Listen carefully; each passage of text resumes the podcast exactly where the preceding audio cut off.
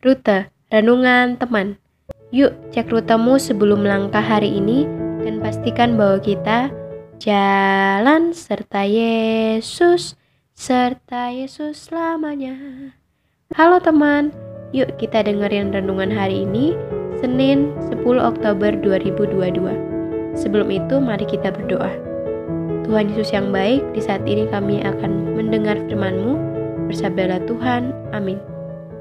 Pembacaan Alkitab pada hari ini terambil dari 1 Samuel pasal 8 ayat 19 sampai ayatnya yang ke-20 yang menyatakan tetapi bangsa itu menolak mendengarkan perkataan Samuel dan mereka berkata tidak harus ada raja atas kami maka kami pun akan sama seperti segala bangsa-bangsa lain.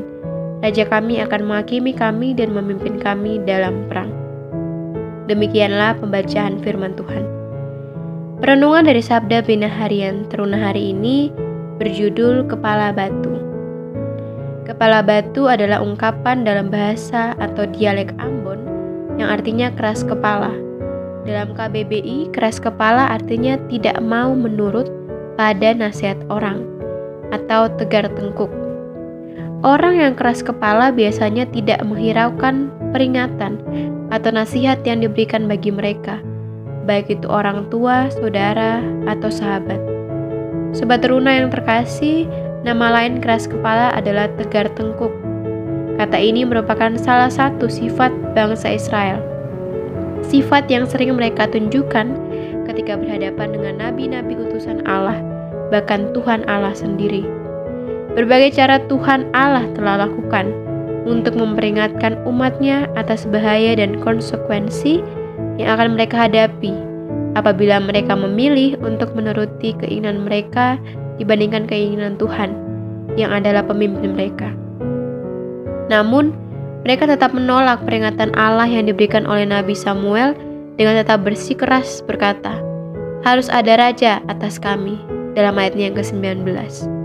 Keras kepala terkadang menjadi bagian dari diri kita sebagai seorang remaja yang berada dalam proses pencarian jati diri. Melalui bacaan hari ini, Sobat Teruna diingatkan supaya jangan menjadi seperti bangsa Israel yang tetap keras kepala meskipun Tuhan sudah memperingatkan, bahkan melawan Tuhan. Mari belajar menjadi teruna yang bersedia mendengar setiap nasihat yang diberikan oleh orang tua, saudara, atau sahabat. Kesediaan untuk mendengar merupakan bagian dari hidup takut akan Tuhan loh. Ingatlah bahwa setiap tindakan kita akan membawa dampak bagi diri kita sendiri. Jangan mempertahankan sikap kepala batu kita ya. Mari kita sama-sama bersatu di dalam doa. Ya Tuhan, kuatkanlah iman kami agar kami tidak menjadi orang-orang yang menutup telinga dari setiap nasihat yang diberikan bagi kami. Amin.